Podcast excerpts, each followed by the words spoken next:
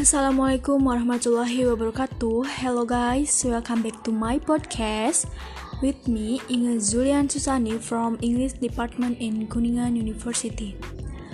Now I will review about Grit is the Power of Passion and Perseverance by Angela Lee Duckworth.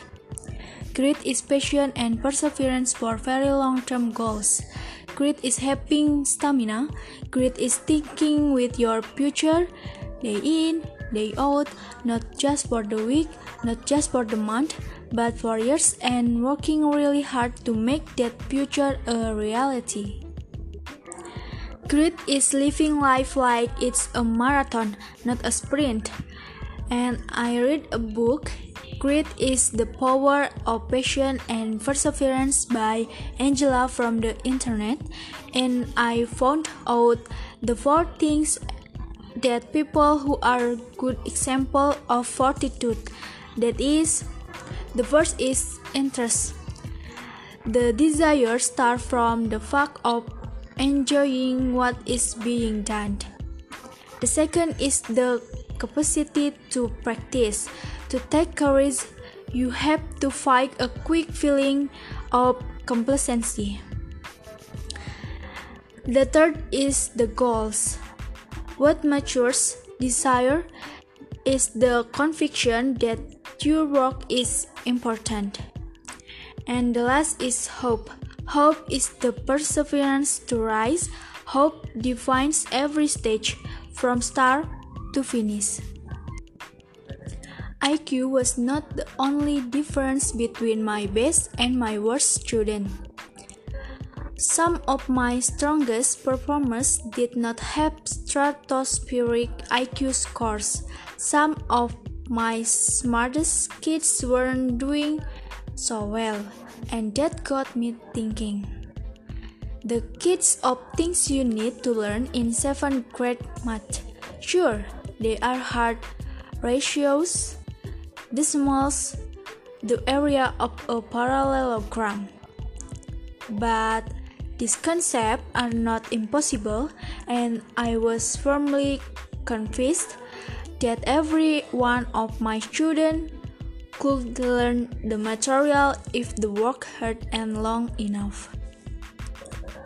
What do know is that talent doesn't make you gritty. Our data show very clearly that there are many talented individuals who simply do not follow through on their commitments. In fact, in our data, grit is usually unrelated or even inversely related to measures of talent. So far, the best idea Angela have heard about building grit in kids is something called growth mindset.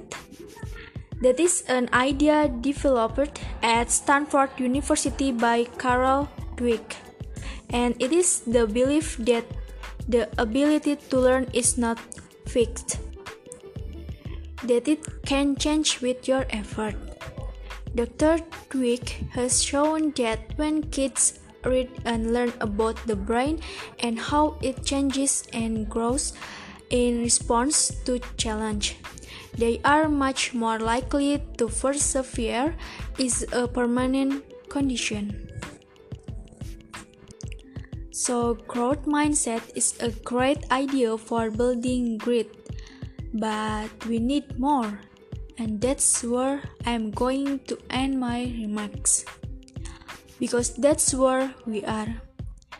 That's the work that stands before us we need to take our best ideas, our strongest intuitions, and we need to test them.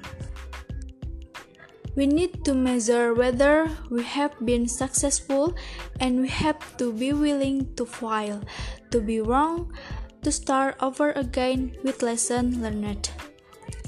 In other words, we need to be gritty about getting our kids greedier. Okay, it's all from me. Thank you for your nice attention. See you in my next podcast. Wassalamualaikum warahmatullahi wabarakatuh.